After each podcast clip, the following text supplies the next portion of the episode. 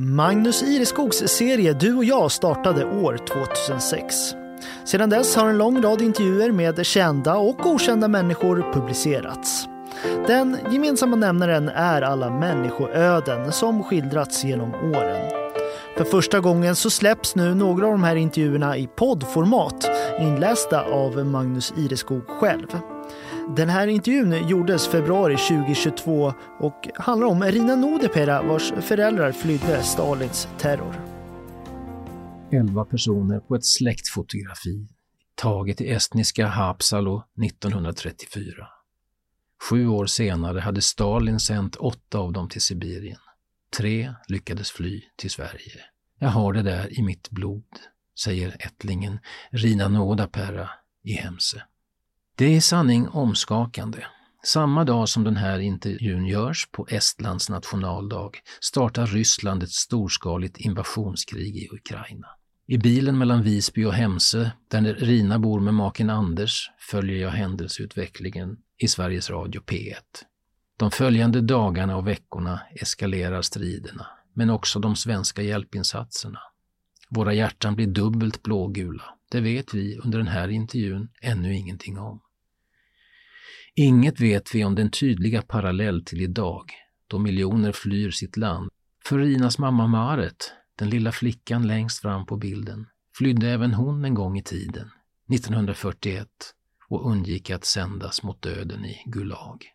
Vi ska komma dit, men den här morgonen, nationaldagen den 24 februari, har Rina lyssnat på Estlands president Alarkaris tal i radio.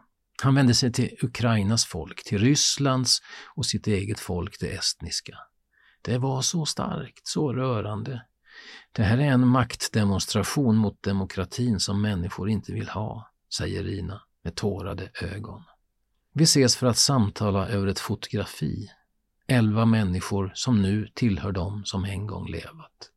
Ja, nu ser ju du som hör det här inte fotot, men det är taget den 11 mars 1934 hos en porträttfotograf i estniska Östersjöstaden Haapsalu. Ett av så många släktfoton från den här tiden. Att fotograferas var viktigt. Människorna är därför uppklädda. Rina Nodapera är estnisk honorärkonsul på Gotland och därmed ambassadens förlängda arm och företrädare för Estland på ön. Hon håller bilden i händerna. Det är en viktig bild. Det här är släkten på hennes mors sida, hennes rötter. Det här var en tid när nationen blomstrade, säger hon. En höjdpunkt i landets historia. Handel, sjöfart, utbildning, turism, framtidstro. Några år senare kom Berlinolympiaden och allt förändrades. Berlin 1936, ja, då var Nazitysklands propagandamaskin igång, vilket ytterligare några år senare ledde till andra världskriget 1939 till 45. Den lilla flickan längst fram är Rinas mamma, Maret, fem år i tiden. Hennes mor Ludmila sitter i korgstolen, pappa Vello står bakom henne, längst till höger. De övriga på bilden är lilla Marets mostrar och morbröder. Där finns också kusinen Albert, sju år, när bilden togs. Intet visste de då om vad som väntade. Så är det ju för oss alla. I ljuset av historien vet vi desto mer. Vid tiden satt diktatorn Josef Stalin vid makten i Kreml. Han hade tagit över efter Lenins död 1924 och inledde i det sena 30-talet den stora utrensningen. Militärer och partitoppar, bönder och vanliga medborgare skulle bort. Gemensamt för alla var att de av den paranoide despoten misstänktes som sabotörer, spioner eller kontrarevolutionärer. Kommunismen hårdnade, miljontals avrättades eller dog i arbetslägren i Sibirien. Så är den stora bilden. Men det finns mindre bilder också. En av dem är det svartvita fotot från Hapsalo. Den 14 juni 1941 knackade det på dörren. På nästa dörr, på de flesta dörrar, i en massiv utrensningsinsats i det ockuperade Baltikum. Människor slets från hem och hus, lastades på järnvägsvagnar och deporterades till det som kallats Gulagarkipelagen. De hundratals straffläger som upprättats i Sibirien. Så blev ödet för åtta av dem. Var de hamnade? Ingen vet med säkerhet, mer än att likhögarna växte på den vresiga sibiriska marken. I gruvor, kanske järnvägsbyggen, lantbruk, jag vet inte, säger Rina. skakar sakta på huvudet. Tänker du på det där ibland? Ja. Ja, det gör jag. Allt förändrades av det där. Vi hade kunnat vara en jättesläkt. Nu är vi så få. Tänk dig själv, du har alla omkring dig och så plötsligt är de flesta borta utan att man har en aning vad som hänt dem. Idag finns minnesmärken runt om i Estland med namnen på alla som dog i Gulag. Rinas mamma Marit och föräldrarna Ludmila och Vello undgick att infångas av Stalins nät. I skräck levde de under flera år men lyckades slutligen fly Estland via en båt över Östersjön. Det var den 23 september 1944. Båten tog ett par hundra personer och hamnade efter några dagar till sjöss under svåra umbäranden på Dalarö i Stockholms skärgård. Marit var 14 år. Morfar Vello, som till yrket var polis, skrev ner sina minnen. Rina har läst allt. Läst hur de flyttades runt i Sverige, var tillfälligt inneboende i svenska och estniska värdfamiljer och sattes i arbete. I skogen, textilbranschen, kanske som lantarbetare. Maret lyckades senare komma till Stockholm. Det var 1949. Hon fick boende på pensionat och slog sig samman med landsmän och kvinnor som också flytt Stalins terror. Där, på en restaurang på Drottninggatan, träffade hon en stilig ung man med samma namn som sin far, Vello. Han som kom att bli Rinas pappa och från vars släkt namnet Nådapära stammar. Också han, Vello, har förstås sin alldeles egen historia, som så många balter från den här tiden. Vello, hur han som tolvåring hemma i Pärnu uppfattade att något var på gång, så han sprang hem och larmade. Familjen packade sina väskor med foton, medaljer och silver och vad som ansågs viktigt. Och så väntade de. Och väntade. Och väntade. Från den 14 juni 41 till hösten 44 då det inte längre fanns någon återvändo. Han skulle fylla 16 och riskerade att bli kanonmat i Stalins armé. Så när möjligheten öppnade sig valde han att fly till Sverige i båt. Hans mor och far, Rinas farmor och farfar, valde att stanna. Hon ville inte, han vågade inte med sitt svaga hjärta. En sen kväll den 21 september 1944 gav sig Vello av. En liten båt, Karla, 10 gånger 3 meter, 72 personer ombord. De gick mot Ösel där de stannade och byggde luckor till lastrummen. Två dagar senare stävade de mot öppet hav. Märkligt nog samma datum som hans blivande hustru alltså flydde hemlandet. I en tidigare intervju i Gotlands Tidningar berättade Vello, som med tiden kom att bosätta sig på ön, så här. Det blåste upp till storm. Det var ett rent helvete. Jag och en kompis hade plats på däck. Vi höll oss krampaktigt kvar medan vågorna sköljde. Efter tre dagar var det uppgivet. Ingen visste var vi var. De flesta var antingen sjösjuka eller stupfulla. Men den 26 september gled en svensk patrullbåt upp ur dimman.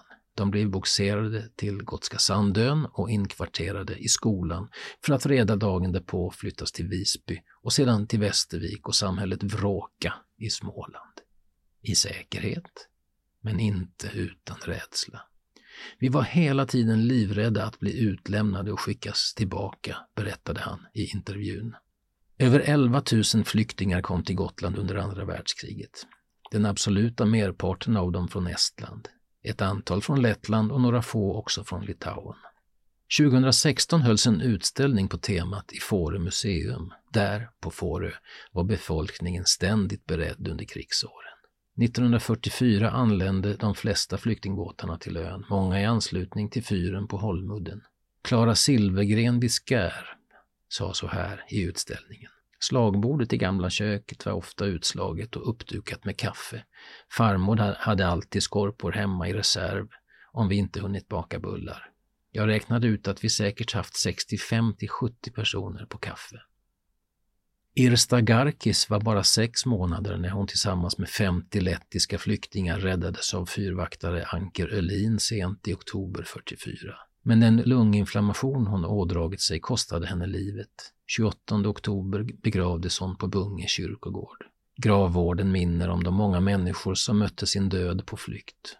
I ödesmättad ofredstid de sökte lä vid Gotlands strand, för stormen i sitt fosterland och vila här i frid.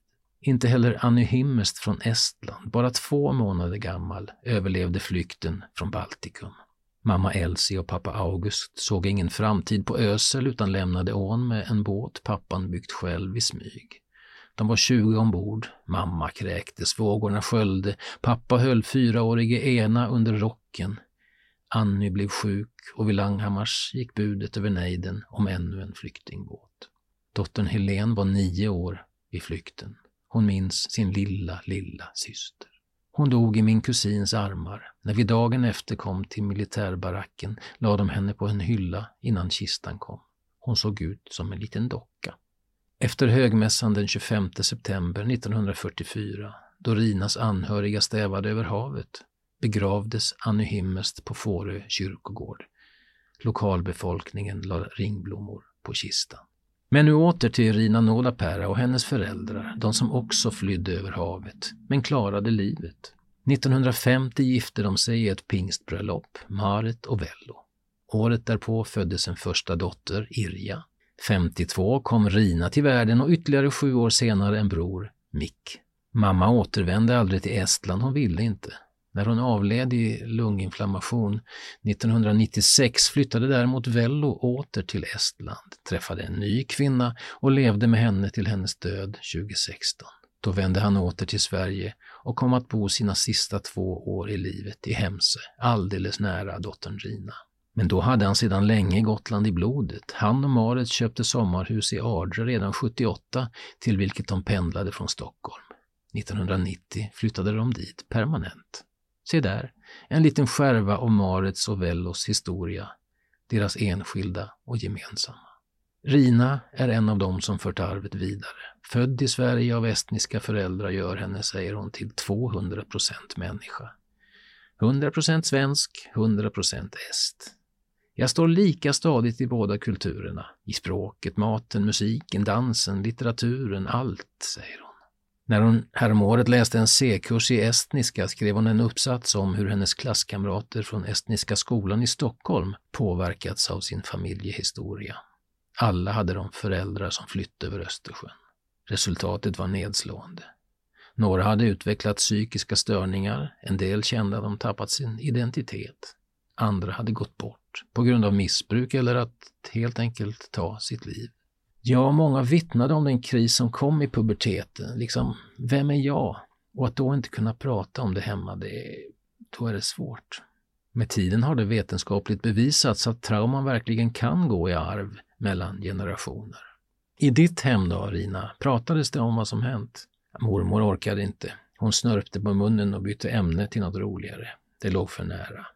Mamma pratade mer men om andra saker. Hon begravde sig i estnisk litteratur och det var hennes sätt att bearbeta traumat. Fadern pratade mer men mest valde han att se framåt.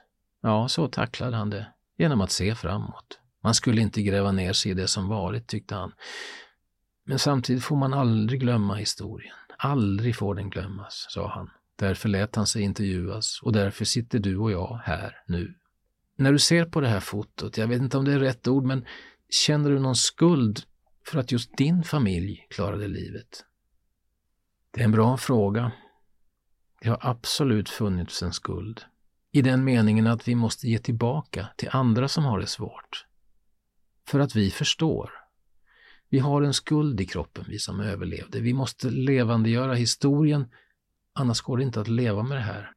Allt det här finns i mitt blod hela tiden. Åtta av de elva på fotografiet deporterades alltså till Sibirien den 14 juni 1941. Men kommer du ihåg den lille Albert? Han som nämndes som hastigast.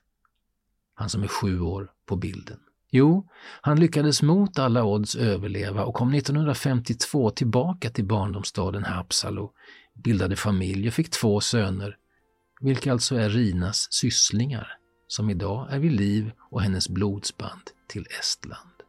Ett halvår innan Albert dog, 1992, var han i Sverige och fick äntligen träffa sin kusin Maret, Rinas mamma. En cirkel kunde då i någon mån slutas. Ja, gillar du också Magnus Ireskogs intervjuserie Du och jag så finner du fler avsnitt på helagotland.se under poddar och program.